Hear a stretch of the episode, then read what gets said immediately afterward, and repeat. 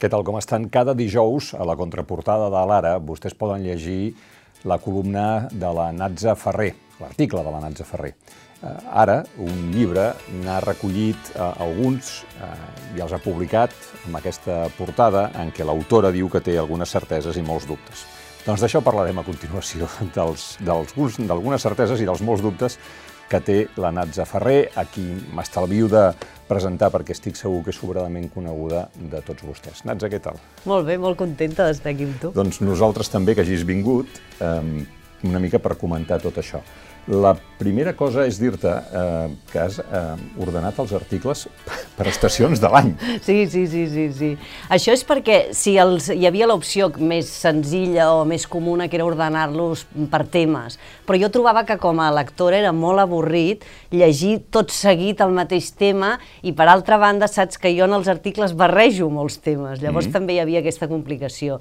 Llavors això de les estacions és per dues raons. Una, perquè jo estic bastant, com a bona catalana que sóc, estic bastant obsessionada amb el temps i per tant m'influeix molt la cosa estacional i després perquè com a periodista nosaltres comencem, no? a l'agost fem aquella pausa i comencem al setembre, per tant comences a finals d'estiu, engegues, i el cicle aquest de començar l'estiu i acabar eh, tornant a l'estiu em donava aquesta sensació de, de com vas fent els articles al llarg de l'any, no? Va. i trobava que era xulo això. Va, fem un article en directe o fem un article aquí parlat, perquè, és clar, aquesta setmana ha sigut 8 de març. Sí? Va, quin regust t'ha deixat aquest 8 de març? Doncs ho he escrit en el, en el diari. Jo soc, soc molt positiva, vull ser molt positiva, cosa que no m'escau molt perquè la gent té una imatge de mi que no és tan positiva i en part és veritat, però sí que el que he vist és que el 8 de març va ser un dia gris i fosc a la ciutat de Barcelona i tot i així, amb el desànim general que estem sentint totes i tots en aquests moments per totes les circumstàncies vitals, hi va haver una capacitat de resposta una altra vegada, unes ganes de sortir al carrer a reivindicar els nostres drets, que jo també dic, a mi la part festiva del 8 de març no m'agrada massa perquè ja ens podem celebrar un altre dia, el 8 de març és un dia especialment reivindicatiu, no festiu, reivindicatiu, reivindicatiu i hem de tornar una mica a aquest canal de reivindicació, però per altra banda trobo que, eh, i insisteixo, el moviment feminista és l'únic moviment important que hi ha ara mateix a nivell polític i actual i l'únic que està movent les coses. Per tant, jo estic contenta novament d'aquest 8 de març. Si tu estàs en la línia d'un article que van escriure mancomunadament a unes redactores del diari d'Ara Feminismes que deia no ens feliciteu, gràcies, perquè això no és una celebració, sumeu-vos a la lluita. Sí, sí, sí, és que és exactament així. No tenim res a celebrar nosaltres. Els nostres drets estan menys tinguts constantment. Fa anys que estem reivindicant el mateix. Fa anys que ens diuen que la bretxa salarial es trencarà d'aquí 300 anys. Fa anys que insisteixen que la desigualtat està, que la igualtat està llunyíssim. I fa molts anys que nosaltres mateixes en les pròpies vides patim aquesta discriminació. I malgrat tot, les coses no són com m'imagino, com eren, per exemple, per la teva mare. En absolut. També és veritat que, que, que la que meva... Que hem avançat. Hem avançat naturalment, també és veritat que la meva mare va viure tot el franquisme i el franquisme, el, els, els drets en general del franquisme eren nuls a les dones, òbviament encara. Sí, clar, la meva mare era de les que havia de demanar permís al meu pare per escrit per sortir o fer alguna cosa. Sí, sí, sí, sí per obrir un compte al banc, per treballar. Evidentment sí, sí. que hem avançat, però no hem avançat a l'altura del segle XXI on hauríem d'estar i això va molt lent i si t'hi fixes hi ha una cosa molt reaccionària que això ens dona la pista de la importància del moviment feminista que és en la que el moviment feminista avança i crea un gruix social important ve el reaccionari de torn a intentar aixafar-ho tot, i és el que ens trobem ara. L'auge de l'extrema dreta té a veure també amb això, perquè el que nosaltres volem és canviar un sistema que no funciona ni per homes ni per dones. No? Per tant, l'extrema dreta el que vol sempre és quedar-se on som o tirar més enrere. Els homes tampoc? Pels homes tampoc, naturalment. Clar, el que diu el feminisme, i això és el que us costa moltíssim d'entendre, i jo a molts ja us dono per perduts, i tinc ara t'ha sí, tocat, sí, t'ha tocat, de gènere, t'ha tocat, sí, sí. Eh, és que realment els homes us heu de plantejar si aquest sistema eh, on ens han posat a les dones, a vosaltres us satisfà. Si realment eh, esteu gaudint d'aquesta pressió social i d'aquests privilegis perquè jo crec que molts homes també se senten incòmodes en el rol d'home que, que la societat els imposa. Per tant, nosaltres volem trencar també totes aquestes dinàmiques perquè hi ha un tema que jo veig molt clar socialment i és que feliç, feliç, la gent no ho és. Això vol dir que estem organitzats d'una manera que no acabem de trobar el que ni nosaltres ni vosaltres. Vosaltres teniu el privilegi i per tant us moveu menys, perquè sou així. I perquè sí. sempre heu pensat que això és un tema de dones i que no va amb vosaltres, no? Però justament va amb vosaltres, perquè sense les dones vosaltres no existiríeu, vosaltres no seríeu absolutament res. I la història de la humanitat s'ha conservat, jo sempre dic que els homes sou destructors, les dones som conservadores, la història de la humanitat s'ha conservat gràcies a les dones que no surten en els llibres d'història, no surten mai en els llibres d'història. Bueno, això de que les dones són constructores ho dius per Díaz Ayuso, per Inés Arrimadas, eh, Sí, sí, també per també aquestes. ho dius, sí? Vull dir... Aquestes dones reprodueixen, reprodueixen el sistema, el sistema patriarcal, ah, entès, clar, clar, clar, entesos, no, no, no, no, no, Aquest... sí, sí. Però pensa que la majoria de reproductors del sistema patriarcal eh, han estat homes. I aquesta cosa, sí, d'anomenar-me totes les dones xungues que hi han hagut i que hi han i que hi hauran al món, és una mica antic, ja si em deixes dir-t'ho, i segon, eh, hi ha una reivindicació també per part de les dones, i és que les dones no som santes, no som perfectes, no... les dones Això només sí. tenim en comú ser Va, dones, però sí, de sí. dones n'hi ha de dretes, n'hi ha d'esquerres, n'hi ha del mig, n'hi ha damunt i n'hi ha d'avall, hi ha rosses, hi ha morenes, hi ha blanques, hi ha negres, és a dir, les dones l'únic que tenim en comú és que som dones. La resta, evidentment, deixeu-nos que hi hagi una varietat com en el sector masculí, no? Sí, sí. Ah, bueno, és, jo crec que el, el, un dels problemes del feminisme és que com que aspira a canviar el món um, i en certa forma proposa, no sé si una nova moralitat o una nova manera d'entendre les relacions entre les persones, així que comet un error, manifestament, doncs és una mica el que li passa a l'Església Catòlica, no? que se li tiren a sobre escolti, no em faci, discurs, no em faci discursos, no? Aquesta setmana, una diputada de la CUP va sortir a criticar el govern per la política de posar més dones als Mossos, perquè deia que ho fa perquè siguin les dones les que reprimeixin les dones. Bueno, dius, mal si fas i mal si no fas, sí, en què sí, quedem? Sí, en què quedem, en què quedem. No, en el que hauríem de quedar és en el que cadascú pugui ser el que vol ser.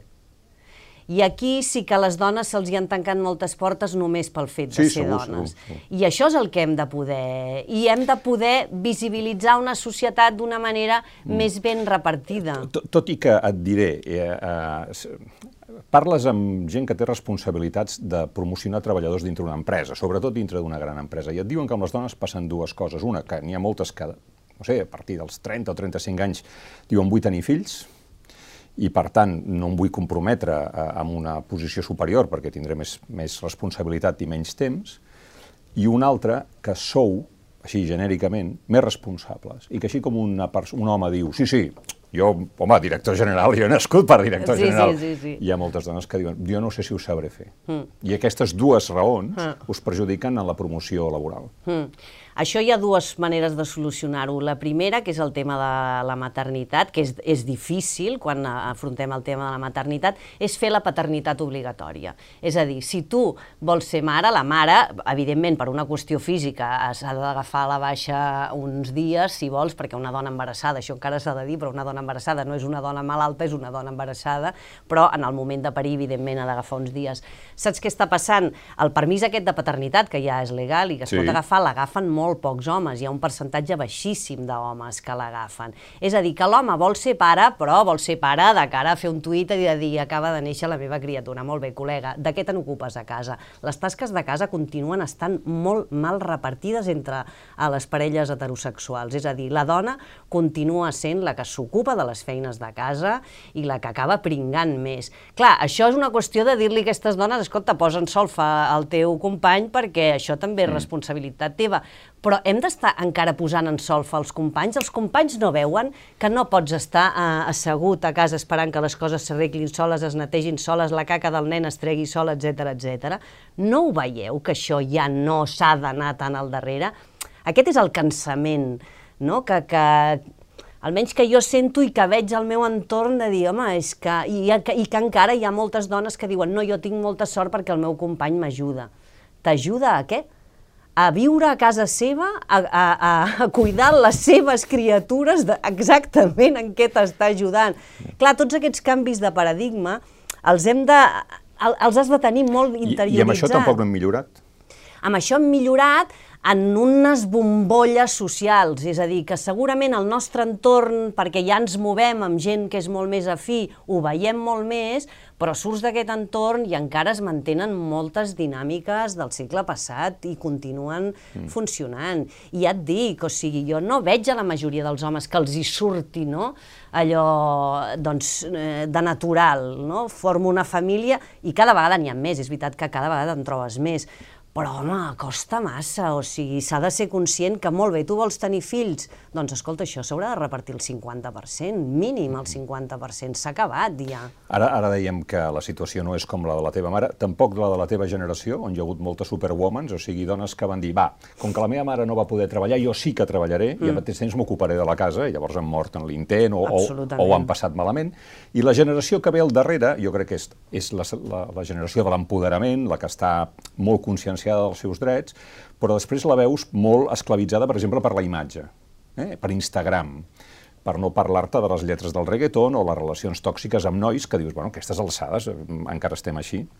Això és culpa del patriarcat, és culpa d'Instagram o de què és Això culpa? és culpa dels pares. Els pares sempre tenen la culpa de tot. És la mala educació, la, la mala educació. Pare... No, no, no. Hi ha molta cosa social, però sí que és veritat que moltes vegades, i quan es parla de l'educació, de les escoles, jo trobo que es carrega un pes a les escoles que dubto molt que l'hagin de tenir, dubto molt que l'hagin de tenir. Per tant, qui té fills ha de saber que tenir fills vol dir educar aquelles personetes. I això es fa fatal. Des del meu punt de vista es fa fatal, pel que jo puc observar. Jo sóc del sector, jo no m'he posat càrregues de més a la vida, però el que veig és que es fa fatal. I es tiren moltes pilotes fora. No, és que això a l'escola, això a l'escola, l'escola ja prou feina té i prou feina ha tingut, per tant, no crec que sigui el lloc, o almenys jo no tinc la percepció que a mi m'eduqués l'escola. A mi m'han educat a casa meva, amb uns valors i amb una sèrie de coses. No a l'escola. A l'escola he après a socialitzar i a quatre rius, que ja no me'n recordo dels seus noms, no?, per exemple.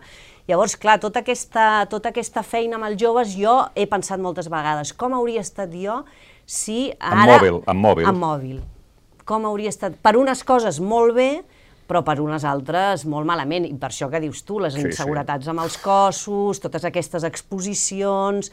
Jo això ho trobo una salvatjada. I veig filles de les meves amigues que tenen aquestes edats i realment o jo m'he fet molt gran o ja no. hi ha moltes coses que em costa d'entendre. No, no, és, és un fenomen eh, que hauríem d'abordar molt, més, eh, molt més profunditat, eh, perquè mm. està, ho canvia tot, o sigui... Canvia tots els paradigmes... Tots, tots. El, el, el mòbil s'ha convertit en un instrument d'interposició entre l'educació dels pares i els nois i les noies.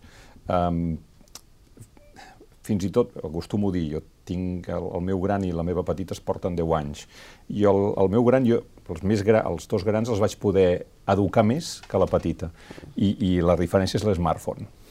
Sí, dir, ja, sí. ja em venia educada del mòbil, a vegades, no? Sí, o maleducada sí, sí. del mòbil. Exacte, que és aquella no? cosa. Ara, també et dic, a nivell positiu, jo que soc, jo soc molt defensora de la gent jove, entre altres coses perquè la gent jove també es troba uns panorames eh, de tot. O sigui, nosaltres ja ens semblava que el món era una merda, però clar, ara ets jove, mires el món i és doble merda, no? Per tant, eh, i et diré que, per exemple, a la manifestació del 8 de març hi havia moltíssima gent jove, això abans no passava. Per tant, vol dir que hi ha aquest relleu generacional que això sempre dona una esperança. Ja. Uh, abans de, de, de continuar amb això de les cases, deixa'm que et burxi per última vegada. Aquesta és, una, és un tuit que vaig veure aquesta setmana del, del 8 de març són unes treballadores que estan netejant unes pintades feministes. Ah, sí, sí, sí, sí, que fort. Sí, sí, aquestes Com paradoxes... sisplau. No, no, és que, és que jo, per exemple, sóc una persona i em sembla que els articles ho manifesto molt, que sempre flipo amb les paradoxes eh, no, no. de la vida, i aquesta realment és una de les grans paradoxes, però és una gran fotografia i una gran imatge, perquè explica moltíssimes coses, també. I també, eh, doncs justament, no, les dones eh, les situen, aquest, no les situa en, en les grans posicions de poder, sinó en netejar la merda del món, ja. que és el que es dediquen moltes. Escolta, ara que parlem de l'educació dels pares, la, la Natza Ferrer és la petita de sis germans. Sí. El seu pare era metge, la seva mare era infermera, tenia la, el seu pare era pediatre i tenia la consulta a casa, Eh, I per tant, ella va viure tota la vida rodejada de criatures, els seus germans i les criatures que venien a visitar-se sí. a hores intempestives moltes vegades, malaltes, sí, sí, sí. allò perquè son pare les, mm. les visités. Que, eh, amb els anys, que és una cosa que sempre passa, n'estic segur, i, i tractant-se de tu molt més, tot allò com, com t'ha marcat? Moltíssim. A mi Però tot... per bé o per mal? Mira, per les dues coses. Jo, jo en, en, en, molts sentits i en molts valors, el meu pare era un, era un metge d'aquests que avui en dia ja no existeixen, saps? El metge humanista, que a part de ser molt bon metge, tenia tota aquesta part cultural i tota aquesta capacitat de parlar i de convèncer els pares, en aquest cas, perquè moltes vegades les criatures eren molt petites. I això a mi em va donar molts bons exemples vitals però per altra banda jo estava en una casa en la que eren les Rambles, o sigui, tota la... i a més a més, clar, eren aquestes cases de l'Eixample que estaven partides i la meitat era consulta i l'altra era el pis, i la gent de la consulta per anar al lavabo havia d'entrar al pis, llavors tu estaves a casa teva i de sobte t'entrava algú. Això a mi no em va agradar gens i em va, el, que em fèiem, jo als 16 anys, 15-16, ja els hi deia als meus pares, jo me'n vull anar de casa, ja vull deixar d'estudiar i me'n vull anar de casa, ah, sí? perquè jo volia sortir d'allà, a mi tanta gent allà al mig, mm. entre els meus germans, la gent de la consulta, llavors sempre venia, és que sempre hi havia gent, i jo era una persona que necessitava estar més tranquil·la, no? I estava com obsessionada, i així que és veritat, així que vaig poder, la meva obsessió vaig dir, no, no, jo m'aniré a viure a un pis sola, vull estar en silenci, no vull que hi hagi ningú, i és el que vaig fer. Uh, és veritat que es va morir el meu pare quan jo era molt jove, això em va modificar una mica els plans, però la que vaig poder me'n vaig anar me'n vaig anar de casa amb un pis sola, que després també em va agafar una mica de iullo, perquè em vaig trobar amb un silenci que jo no estava acostumada. Tu diràs, tu diràs. Un pis sola amb gats, com deien del teu personatge a, en, el, en el programa no de RAC1. Tingut, no he tingut mai animals domèstics, ni gats, ni res de res, mai, mai, mai, mai. mai. Parlem una mica d'aquest personatge, no? La Natza o la Natxa, que et deia, sembla que era l'Òscar Dalmau, no? L'Angelines. O l'Angelines. Sí. sí. Bueno, a la, a la competència, no? De dir, va, aquestes dones grans soles que viuen amb gats. Bueno, um, però això és una creació basada en fets reals? No, això era una, era una creació que va sortir perquè quan jo vaig entrar a la competència, clar, un programa d'homes i jo era l'única dona i a més em tocava comentar els missatges de l'audiència. Llavors jo, tal com sóc, era i segurament seré, vaig dir, home, però jo no puc ser la típica dona que està aquí per llegir els missatges de l'audiència i quedar-me Mentre així. els homes fan la part important exacte, del programa. Exacte, mentre els homes fan el... Exacte, i que era així, o sigui, era realment així i llavors vaig crear, tampoc pensant-ho tant, però suposo que amb la meva manera de ser, el personatge justament més antipàtic i el que li importa molt poc el que pensi l'audiència, i és més, pensa que l'audiència és imbècil, no? I per tant ho deia cada dia, o sigui, a mi què m'expliqueu? Yeah. Jo ja tinc prou feina. Llavors era realment, l'altre dia m'ho deia un, un amic periodista justament, diu, és que tu vas crear un personatge que no hi era, en, el, en, en, en, en una dona aquest tipus de personatge radiofònic, no? capaç d'engegar-ho tot a la me i a sobre tenir un discurs Ah, després també la qüestió feminista també es va introduir molt a dintre del programa, Clar, no les discussions amb l'Angelines... Clar, tu no eres una dona cookie. Exacte, jo no era una dona cookie i defensava no ser cookie, i en, vull dir, totes aquestes contraposicions hòstia, van, van fer, jo crec que van enriquir molt el programa i van crear realment un, un personatge que de la nostra generació, a més, de la nostra generació no hi ha tantes dones que facin humor no. d'aquesta manera. Ara en surten, afortunadament, moltes de joves. Jo crec que també hem donat aquesta possibilitat, no? però de la, de la nostra no n'hi ha tantes. Llavors era trencar una mica amb tots els estereotips que se suposa que ha de fer una dona envoltada d'homes, i era la dona que no en tolerava ni un i que no la tabalessin perquè no estava per hòsties. I eh? què et deien els oients sobre aquest, aquest paper? Doncs mira, avui mateix he agafat dos eh, taxis diferents, eh, perquè he hagut d'anar i per venir, i els, eh, bueno, el, un dels taxistes ha sortit del taxi per fer-me una abraçada i perquè li ha flipat molt que anés amb el taxi, que això és una cosa que a mi m'ha alegrat molt. Dintre dels oients masculins, hi ha una legió de fans molt importants i a mi això també em dona molta esperança, perquè no era un personatge... Que entenien el, el, el que estava representant. Que reien, entenien i, a més a més, a favor, o sigui, que et demanaven que li fotessis més canya a qui fos, perquè sí. aquesta cosa de fotre'ls i canya els hi encantava. És a dir, que hi ha molts homes que no els agraden aquest tipus de dones, que no diuen res, que són més callades, que ho accepten tot. Ja els agrada una dona que protesti i que les digui ben claretes, no? Mm. I això és molt guai. A mi la veritat és que, clar, tot el que m'ha donat la competència és molt bo. I per què ho has deixat? Perquè estava molt cansada. molt, molt, molt cansada. I perquè, eh, això que dèiem abans, o sigui, tu et vas fent gran, jo portava 12 anys, professionalment era un lloc tampoc que no em donava més possibilitats, o sigui, jo feia d'anats a dintre de la competència, a la ràdio no hi havia cap més possibilitat de fer res, professionalment estava molt estancada fent cada dia el mateix, i tenia ganes de fer una parada tècnica i revisar una mica el panorama i veure què tal. Ja. I què tal, el panorama? Doncs la veritat és que al principi vaig sentir un vertigen espaterrant i a mida que he anat veient que les meves rutines han canviat, que no estic tan enganxada a l'actualitat diària, sóc molt més feliç i estic de molt més bon humor. Fixa't. Fixa't, Sí, no, no. sí, sí, això ho constato i, i, el, i la gent del meu voltant ho ha constatat. D'estar enganxada a l'actualitat diària, no a la, a la servitud d'un programa diari. No, a l'actualitat. L'actualitat d'aquella manera... És que, clar, jo no sé si et passa tu o si ho pots confessar, però és que hi ha molts moments que quan et portes escoltant tantes bestieses, tantes coses, i dius, i això hem, ha de transcendir en algun lloc, et fa fins i tot com ràbia haver de parlar d'una cosa que realment... Eh, jo el que faig quan puc és dir-ho. De dir, això de què estem parlant, això no té cap valor, però...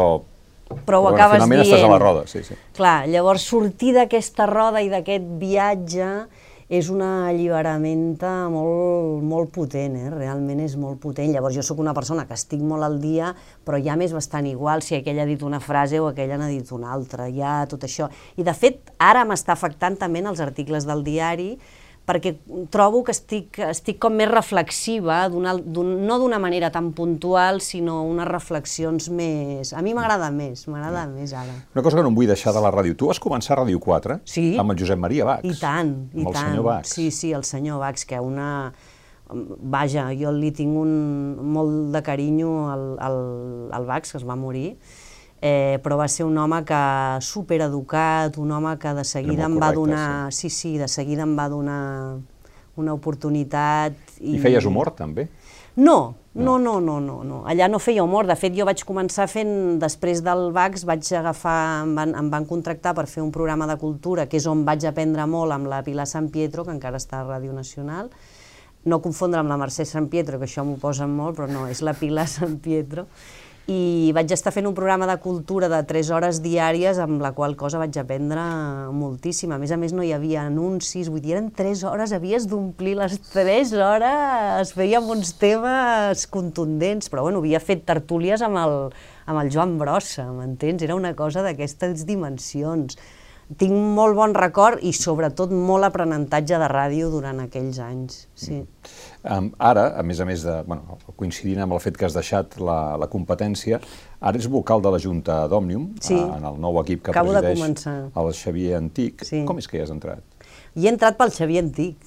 Xavier Antic havia estat el meu professor de filosofia a l'institut. Jo anava a l'Institut Maragall, aquí a Barcelona, i al tercer de buc vaig tenir el Xavi de, de professor de filosofia, i era el Merlí de, de l'institut, saps? Era un Merlí, sí? Era un Merlí, sí, Sí. sí, sí. Era el, Us feia pensar... Sí, o sigui, no anàvem pel temari, saps? O sigui, llegíem altres coses, es feia pensar...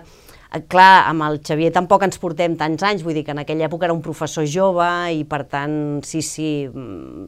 Bueno, jo volia estudiar filosofia. De fet, jo volia estudiar filosofia, cosa que no vaig estudiar i crec que va ser un dels, un dels errors que he comès a la vida és no estudiar filosofia i estudiar periodisme. Periodisme. Sí, sí, perquè el periodisme, la, la carrera de periodista no, no em va agradar gens, se'm va fer molt llarga i bé, és igual, eh? vull dir que són aquestes coses que estan fetes, però, però sí, sí, volia estudiar filosofia. Eh, bueno, sempre hi ets a temps, no sé, bueno, i sempre pots llegir. Sí, no, no, ara llegeixo, tot- sí, sí, llegeixo filosofia, sí, sí, sí, sí. I a Òmnium què vols fer? I a Òmnium què vull fer? Doncs a Òmnium el que vull fer, o el que ens agradaria fer, no? perquè això és, un, és una feina conjunta, és, és aixecar l'ànim, és a dir, estem en, un, en una època molt, amb molt desànim general a tots els nivells, i és normal. O sigui, hem viscut el que hem viscut, hem viscut una repressió que actualment encara existeix, i hem viscut una pandèmia que ens ha deixat també molt tocats per moltes bandes. Llavors ara estem en un moment complicat, amb una guerra de fons, però com dic, bueno, amb una... I, i, però cada vegada més sí, a la vora, no? cada sí, vegada sí, més a la vora, sí, sí. i amb una repressió contínua, és a dir, a mi també em fa molta gràcia no? que es puguin comentar coses de Rússia, Sí. de la llibertat d'expressió, Sí, i dius, ja, i aquí sí, la sí. llibertat d'expressió com a temes, que jo sóc molt insistent, això sempre ho dic, com la monarquia espanyola, que a mi em semblen el paradigma de la desigualtat i de la injustícia, no pot ser que estiguem vivint en un país que passa això i no es mou ni una Bueno, fulla. és que era, era inviolable, no? Tenia, tenia Però immunitat. què vol dir que era inviolable? Que no, que no li podies imputar delictes perquè era el cap de l'Estat. Sí, sí, però en... en... I altres han prescrit. I després un altre va presentar una actualització. Sí, sí, bé, però a mi em pots donar tots aquests arguments i què? O sigui, no tenen vergonya, és una cosa molt bèstia de suportar, no hi ha cap tipus de transparència. O sigui, jo que he anat seguint totes les despeses de la Casa Reial, aquella feina que havia fet el diario.es, d'anar a mirar, Mm. hi ha un moment que topes i ja no hi ha més transparència sobre aquestes despeses. És a dir, hi ha un cinisme que és molt insuportable. Jo no el suporto, el cinisme. Llavors, si me'l trobo de cara... Eh... Clar, l'altre dia Pedro Sánchez diu no estic satisfet amb les explicacions que ha donat el rei. Dius, bueno, però tu ets el president del govern, no ets un ciutadà normal i corrent. Si no estàs satisfet i ets el president del govern, eh, deus poder fer alguna cosa més que jo, no? Quantes vegades, Toni, quantes vegades el, el Pedro Sánchez al costat del PP i de Vox han frenat les comissions? Jo crec que portaven unes 13 vegades que havien frenat les comissions d'investigació respecte al lo del rei emèrit. I tu ara em vens a fer aquest paperot? No, home, no, això és insuportable, que lo de la política també. Ja. Clar, Bueno, en aquest sentit, per no parlar només, eh, diguéssim, d'un cantó, té raó la Clara Ponsatí eh, quan diu que els partits independentistes, i els cita amb noms i cognoms, Junts per Catalunya, Esquerra Republicana i la CUP no serveixen? No han servit, no? No han servit. No han servit per fer la independència. Jo estic convençuda que aquesta nou, i d'aquí també això d'Òmnium, o sigui, ara el lideratge de la, de la nova etapa, diguéssim, perquè hi volem arribar a la independència, però aquest, aquest, tota aquesta nova etapa, això ho ha de fer la societat organitzada. Ja hem vist què ha passat amb els poders polítics, ja hem vist com s'han transformat, és veritat que la repressió ha fet el seu efecte, però vaja, eh, aquí eh, no es podia pecar d'aquesta innocència, no es tenien les coses preparades, hi va haver una mica de... No? Que Però- encara no se'ns ha explicat del tot bé exactament què va passar, però sí que tenies una societat molt mobilitzada, moltíssima gent, i has deixat aquesta gent a, a l'estacada. Per tant, la gent hi és, i això ho sabem, la gent l'hem de reactivar, ens hem de reactivar tots plegats, però està clar que no podem anar a darrere dels partits polítics. Els partits polítics hauran d'anar darrere de la societat organitzada i el més àmplia possible. Però els partits surten de la societat i molt sovint són un reflex de la societat. Vull dir, l'1 d'octubre és veritat, la gent va sortir, el 3 d'octubre és veritat, la gent va sortir i probablement doncs, un d'aquests dos milions llargs de persones que han a votar, si els haguessis dit eh, queda't al carrer, s'hi hauria quedat. Però sostenir eh, en el temps una lluita d'aquestes característiques no és fàcil. O sigui, una cosa és que tu l'1 d'octubre t'armis de valor fins i tot contra les eh, porres de la Policia Nacional i la Guàrdia Civil i votis, i una altra cosa és, per exemple, que diguis pues jo ara ja no pago més els impostos a Espanya i t'exposis a, a que t'embarguin els comptes. Si ho fem dos milions de persones, no seria molt efectiu. El problema amb aquestes coses és que sempre ho acaben fent quatre si és que ho fan. El tema és, si ho fem dos milions de persones no és el mateix que si ho fan dos mil. Podem convèncer dos milions de persones de fer accions que siguin realment reivindicatives i que ens tornem a posar les piles i a plantar-nos? És el que hem de veure.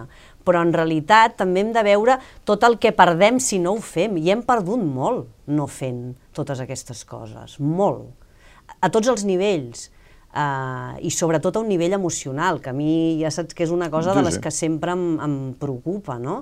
I per tant, a mi em passa també com amb el feminisme, sí, home, ja veig que és molt difícil canviar el sistema, ja veig que és molt difícil canviar la societat, però és que m'és molt més difícil quedar-me a casa esperant que canvi sola.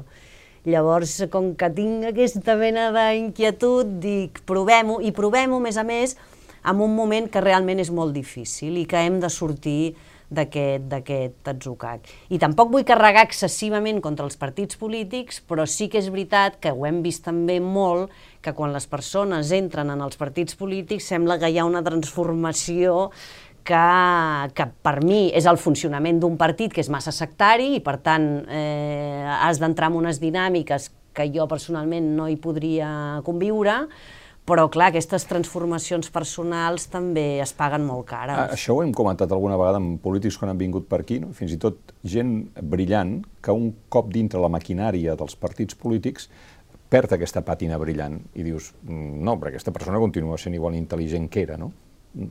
Sí, On sí. és el problema? L'organització.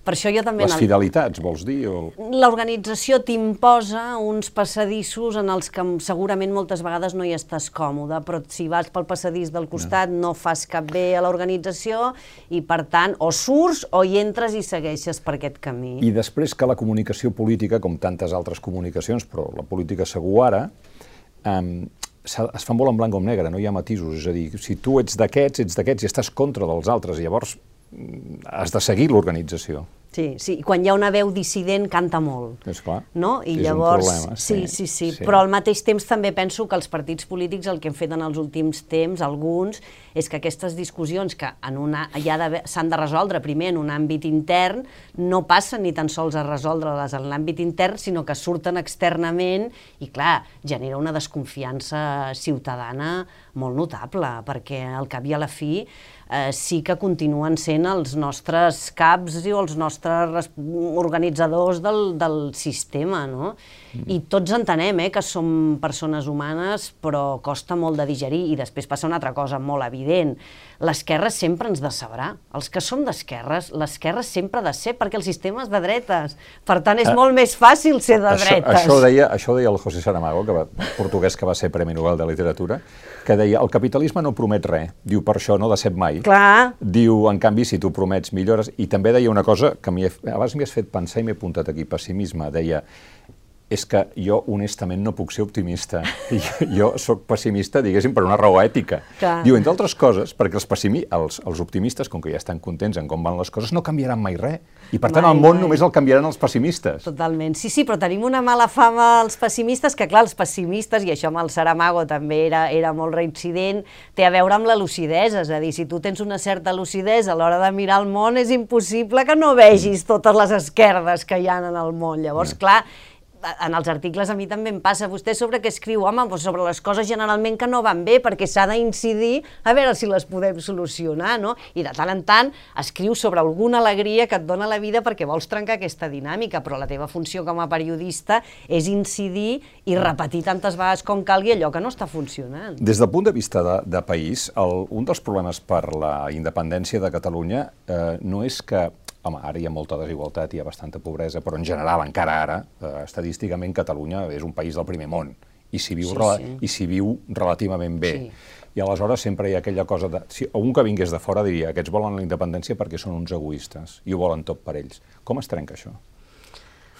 O si estàs d'acord que aquest seria un problema, eh? jo li veig que ho volen tot per ells. Sí, sí, sí això sí, és un algú dels que vegi arguments. de fora diu, escolti, una ciutat com Barcelona, és que per, jo què, visc... per què volen ser independents? Ja, ja, ja. I és veritat, i és veritat, i és, segurament aquí tenim unes contradiccions internes bastant, bastant bèsties. El que passa que nosaltres ho vivim, o almenys jo ho he vist des de la, sobretot des d'una falta de respecte per part d'Espanya, de, de l'estat espanyol, no d'Espanya, de l'estat espanyol, eh, una falta de respecte cap a, cap a una cultura i una idiosincràsia i això, i una llengua, i a mi això em, em, em supera. És a dir, aquest posar eh, la ignorància i, i aquesta manera de fer, que no només ho fa amb Catalunya, no? l'estat espanyol, vull dir que, o sigui, veiem com parlen moltes vegades dels països de Llatinoamèrica que es pensen que encara hi han virreis allà, no? És una cosa una mica... No, que, que els hi van portar la civilització. Els hi, bueno, això, clar, això clar, dit. clar, els hi, això no, no, no, dit. sí, sí, i que gràcies gràcies a ell, sí, sí. O sigui, I no... com es diu el president de Mèxic? La Andrés Manuel López Obrador, com diem. Sí, Andrés Manuel, que són noms Clar, crist són noms- cristians. sí, sí. López Obrador, que són noms espanyols. Sí, sí, Què vull més dir, volen? i va, els hi van fer el favor de matar tots els indígenes que van poder, perquè així també hi ha Sí. més blancs que indígenes. Vull dir, que són, és aquest tipus de, de pensament, clar. Contra això sempre, contra això sempre. I després un país que històricament, home, doncs eh, ha tingut eh, unes, unes idees i unes maneres de fer molt poc atractives des del meu punt de... O sigui, l'estat espanyol és molt mal seductor, molt mal Però és seductor. que no, creu que no en té cap necessitat. Efectivament, Doncs, però clar, llavors jo me'n recordo quan, quan va, jo vaig estar a Escòcia, el primer referèndum que van fer, eh, que estaven a punt de fer-lo, i nosaltres encara estàvem aquí així, eh, i ells van fer això que devia ser el 2016 No, abans, o, o em sembla, 2015, 2015 em 2015 sembla, devia sí, sí. ser, mm, per, per aquelles èpoques. I vaig fer un viatge a Escòcia i estaven just amb això, jo anava preguntant, a més ells estaven molt, molt informats de, del tema de Catalunya. Però clar, allà ni veies banderes pel carrer, veies uns adhesius petits, podies parlar i deies, clar, és que aquesta gent, o sigui, d'acord, no els hi sortirà o els hi sortirà el que sigui, però a, Anglaterra el que estava dient és, és que no, o sigui, és que sou les persones més meravelloses del món, és que, saps, aquesta...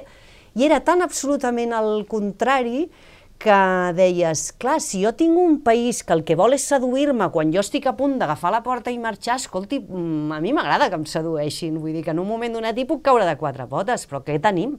Tenim un país que cada vegada ens tracta pitjor.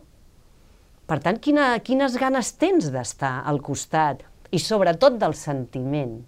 Jo en la vida m'he sentit espanyola, ho sento, en la vida. Com a sentiment, jo no m'hi he sentit mai. Jo no he anat mai a l'estranger i he dit que sóc espanyola, és que no m'hi he sentit. Llavors, això com t'ho poden marcar? A foc? Perquè de cap altra manera. No, que ponen tu DNI. Exacte, que ponen tu DNI, sí, sí. Escolta'm, a, als articles, n'hi ha un, bueno, ha, en fi, n'hi ha, hi ha molts que podríem comentar naturalment, en certa forma ho estem aconseguint, eh? estem fent uns articles orals, diguéssim, no? amb els temes que han sortit, però n'hi ha un que l'he tornat a llegir, i, però recordo la sensació del dia que vaig llegir, que el vaig llegir al diari, eh, titulat Sí a tots els homes, que era, saben aquests efectes de so que posen a la ràdio de... de bueno, cada frase era un cop de puny. Fins, fins, fins i tot va haver-hi un moment que em vas interpretar, perquè deies, no m'has preguntat ni el nom, no t'has preocupat de conciliar, has pensat que el carrer era teu i no m'hi deixes caminar sense llesar-me. I llavors dius, calla, que t'estic parlant, no diguis res. que, que jo volia parlar, Sí, no? sí. Aquell dia et va passar, estava sota algun efecte... perquè... Pff, tant Ah. me fa com siguis alt, gros, prim, baix, amb ulleres o sense, amb els cabells curts, llargs o calp. Pots parlar cinc idiomes i haver-te tret quatre màsters o pot deixar els estudis, bla, bla, bla, bla, bla, però mm, la violència contra les dones us afecta si és que encara ens continueu considerant éssers humans. Actueu perquè no som víctimes, som revolta. No m'expliquis històries que encara no t'he vist ocupant els carrers per manifestar el teu rebuig, el teu malestar, la teva ràbia. Uh, encara, no passa res, encara hi ets a temps. Oh, vaig pensar, bueno, encara sort. encara hi soc. Però no, hi ha, hi ha afirmacions, eh? La, la violència també és teva. No em diguis que tu no has pagat mai ningú. No em diguis que no has matat, no em recordis que no has violat. Tu has callat i m'has fet callar, tu també, i això és violència. I és dels articles que estic més contenta, crec que és un dels més reeixits i segurament dels més vistos del diari aquell dia, perquè això va ser, aquest article va generar un allau positiu i negatiu també, eh? però em va semblar en aquell moment que necessitava expressar-me amb aquesta contundència. Jo porto molts anys amb això i porto molts anys eh, amb el not all men, eh? no tots som iguals naturalment, naturalment, però jo, jo ja no tinc cap necessitat de dir no tots som iguals perquè ja ho sabem, ja ens estem interpel·lant amb gent que ho sabem. Llavors és, eh, això t'afecta a tu, o sigui, mulla't. Si fos un cas de racisme, eh, et mullaries molt més perquè ho veuries molt més clar, perquè tu no podries dir els negres estan per sota, oi que no ho podries dir? Doncs fes el mateix mecanisme mental. Som les teves companyes, som les teves dones, som les teves filles, eh, som les persones que vivim en aquest planeta i som majoria de la població mundial. No pot ser, no pot ser, i no diguis, no, és que jo no he fet res. Sí, el teu silenci és molt preocupant. Quan ens estan agredint i quan ens estan menys tenint. Digues alguna cosa, digues que estàs en contra de la desigualtat contra les dones i fes alguna cosa. La vida és política. Jo considero que tots els nostres actes són política, tots. Des del llançar el reciclatge, que ja és pesadet, eh, això de llançar el reciclatge, mm -hmm. fins a anar a una manifestació però hi ha d'haver una consciència col·lectiva global de que aquesta desigualtat no ens afecta només a les dones. Aquesta desigualtat fa que el món sigui una merda per tothom. I això és així, per tu també. Llavors, el dia que ho vegis i ho entenguis, començaràs a actuar. Llavors hi ha moments que jo he d'interpel·lar eh, els lectors i les lectores amb una certa duresa perquè porto molta càrrega i també necessito treure-me de sobre. I sí. aquesta duresa a vegades t'ha significat un obstacle per comunicar-te amb homes? Dir, és que m'és igual. Hòstia, no, no, és que m'és igual. O sigui, estic a un, un... Això que dèiem els punts de la vida. O sigui, sí, la, jo fa molt poc vaig anar a una conferència, imagina't. Vaig fer una conferència al Museu del Disseny eh, sobre comunicació en perspectiva de gènere, que clar, durant la conferència poses tot d'exemples, parles d'aquesta discriminació, del periodisme, com s'equivoca tantes vegades, no? etc etc. I va, mm, surt un home eh, que sempre hi ha un que parla, perquè com que estan acostumats a que tenen la veu i tal, sempre hi ha un home que parla. Eh, llavors, eh, el que em va dir és que li molestava el meu to de veu a l'hora de parlar, la manera en com m'expressava, que la meva manera d'expressar no l'ajudava. I clar, jo eh, vaig riure, el públic va fer, afortunadament amb això el públic és molt d'espera, el públic ja va fer els seus eh, comentaris, i clar, eh, jo no he nascut, no he vingut en aquest món per ajudar-te. Tu fa una hora que estic parlant de com se'ns està tractant a tots els nivells, eh, no crec que el teu comentari vagi a que tu et sents ofès pel meu to de veu. Això per una banda, i després una altra. Li hauria dit a un senyor que hagués fet la conferència que el seu to de veu no li quedava de... No ho sé, potser no, de tota manera, avui es diu tot, eh? perquè passes per Twitter i Sí, no, no, això de les xarxes, això de les xarxes... Les sí, sí, són generalitzades. Sí, però a vegades eh? les xarxes... Però no, no, però tens raó, tens raó. Sí. sí. Bueno, esclar, també s'ha d'entendre, si estàs en un moviment que pretén canviar el món, eh, que està fent exigències, o sigui, que està plantejant canvis molt, molt profuns, eh, algú pot pensar, bueno, doncs, que em sedueixin una mica, no? En aquest cas eh, no és una qüestió de seducció, és una qüestió d'estar a favor o en contra de les injustícies. Si tu et posiciones a favor de les injustícies, a mi no m'hi trobaràs, no m'hi trobaràs. I jo no seré simpàtica perquè tu el missatge t'entri millor, perquè estic molt emprenyada, que és el que li vaig dir a aquest senyor. Dic, com vol que estigui jo? Estic emprenyada, porto molts anys fent això i denunciant aquesta situació, i la situació no millora, i vostè el que li molesta és el meu to de veu, perdoni, però no li, dic, no li dedicaré ni tres segons, més igual, vostè queda fora, ja n'entraran altres, mm, no puc entretenir-me amb vostè, perquè n'hi ha molts que no, no entren en aquesta dinàmica. Es va no? sentir una ovació? Sí, sí, sí. sí. Això, això ja ho, ara, ara n'acabes de fer 50, um, això ja ho deies amb 20 o 30? No, segurament amb aquesta rotunditat no, però sí que, sí que ja tenia una consciència gran. El, això que deies tu, jo vinc d'una família de sis germans, tres eren nois i tres noies, i aquí hi havia diferències, clar, jo ho, ho Ja batallaves en aquella època?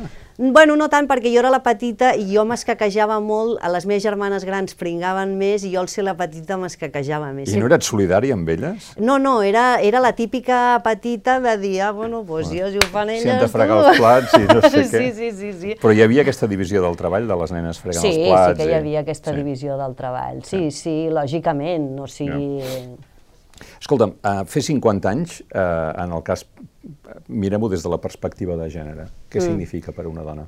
Per una dona significa una invisibilitat força gran, que ja a partir dels 40 es nota, perquè aquesta cosificació de les dones encara funciona, i per tant la cosificació de les dones vol dir que ets interessant si en tens entre, entre o sigui, de molt jove i com a molt fins als 30 llargs, després ja la cosa desapareix.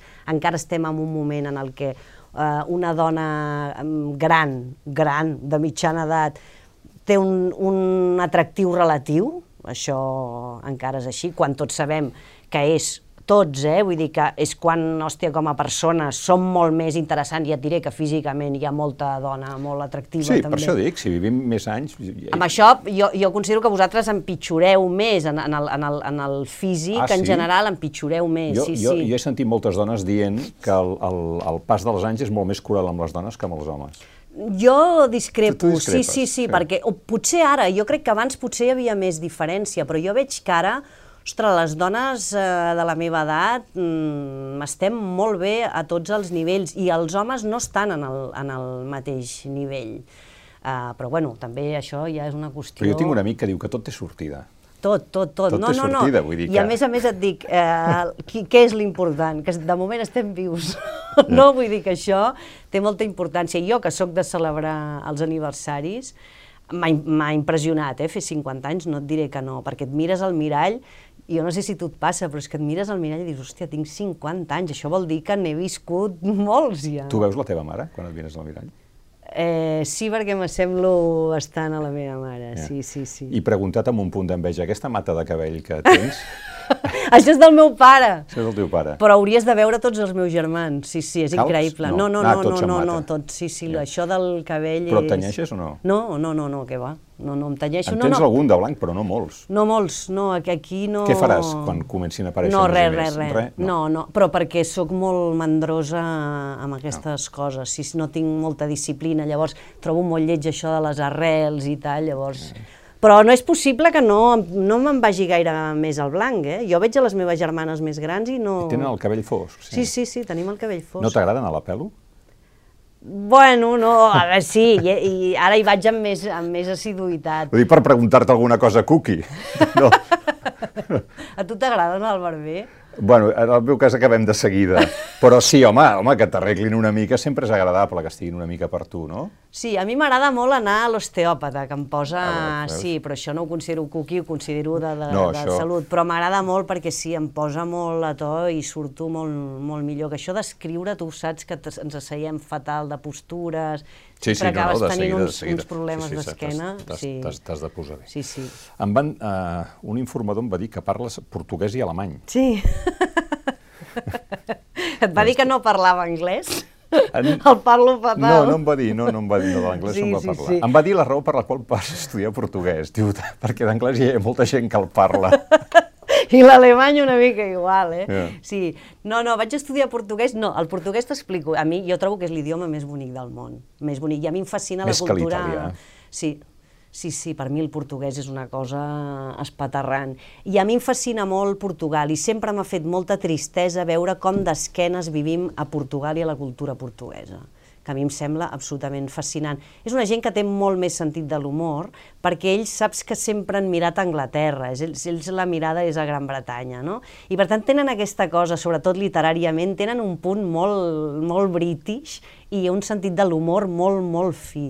Jo, jo trobo que és un país eh, fascinant, una cultura espaterrant, a més a més, sobretot a, a, Portugal agafa tota la part de, de la cultura africana amb llengua portuguesa, que és un món per descobrir encara aquí a casa nostra, que és al·lucinant, i a mi em fa una pena que visquem d'esquena a tot això, que ningú en parli. Jo, per exemple, jo segueixo els diaris portuguesos mm. i tal, perquè dic, bueno, algú ha de saber què Sí, passa, però sí. te'n recordes de, de lo poc que, va transcendir, que van transcendir les eleccions portugueses, que ha tornat a guanyar l'esquerra? És a dir, realment no li importa a ningú? que suposo que per ells, en part, ja, ja està bé perquè deuen estar més tranquils, però, però trobo que és un dels símptomes d'aquesta ignorància supina en la que, en la que vivim. I llavors el portuguès jo el vaig estudiar primer perquè em fascina i després perquè tenia moltes ganes d'estudiar una cosa eh, mm, que aparentment no em servís per res, només pel plaer de saber-la. Ah, sí? Sí, no era és allò... infreqüent això, eh? perquè tots busquem una utilitat, sobretot en qüestió d'idiomes. Després, el, després em va ser molt útil, perquè jo després me'n vaig anar a Brasil a fer un llibre sobre el Lula i els inicis del... I clar, jo sabia parlar portuguès, que allà no cal, perquè també t'entenen en castellà, però em va ajudar també saber parlar portuguès. Però el meu objectiu era gaudir estudiant una cosa que no em portava res pràctic, que només ho feia perquè em venia molt de gust. Jo em pensava que era perquè l'autonomia que ens cal és la de Portugal. Bueno, no, el, el que passa que et dic que si no arribem a bon port, jo em nacionalitzo portuguesa. Això ja t'ho dic ara. Natza Ferrer, Uh, moltíssimes gràcies. Si en volen més o si volen reviure o, o rellegir alguns dels articles que ha escrit a l'Ara, aquí tenen aquest tinc algunes certeses i molts dubtes. Moltes gràcies. Ha sigut un plaer, m'ho he passat molt bé. Que bé. Sí. Nosaltres esperem que vostès també s'ho hagin passat bé i en tot cas els seus comentaris, com sempre, seran benvinguts a la pantalla. Fins una pròxima ocasió.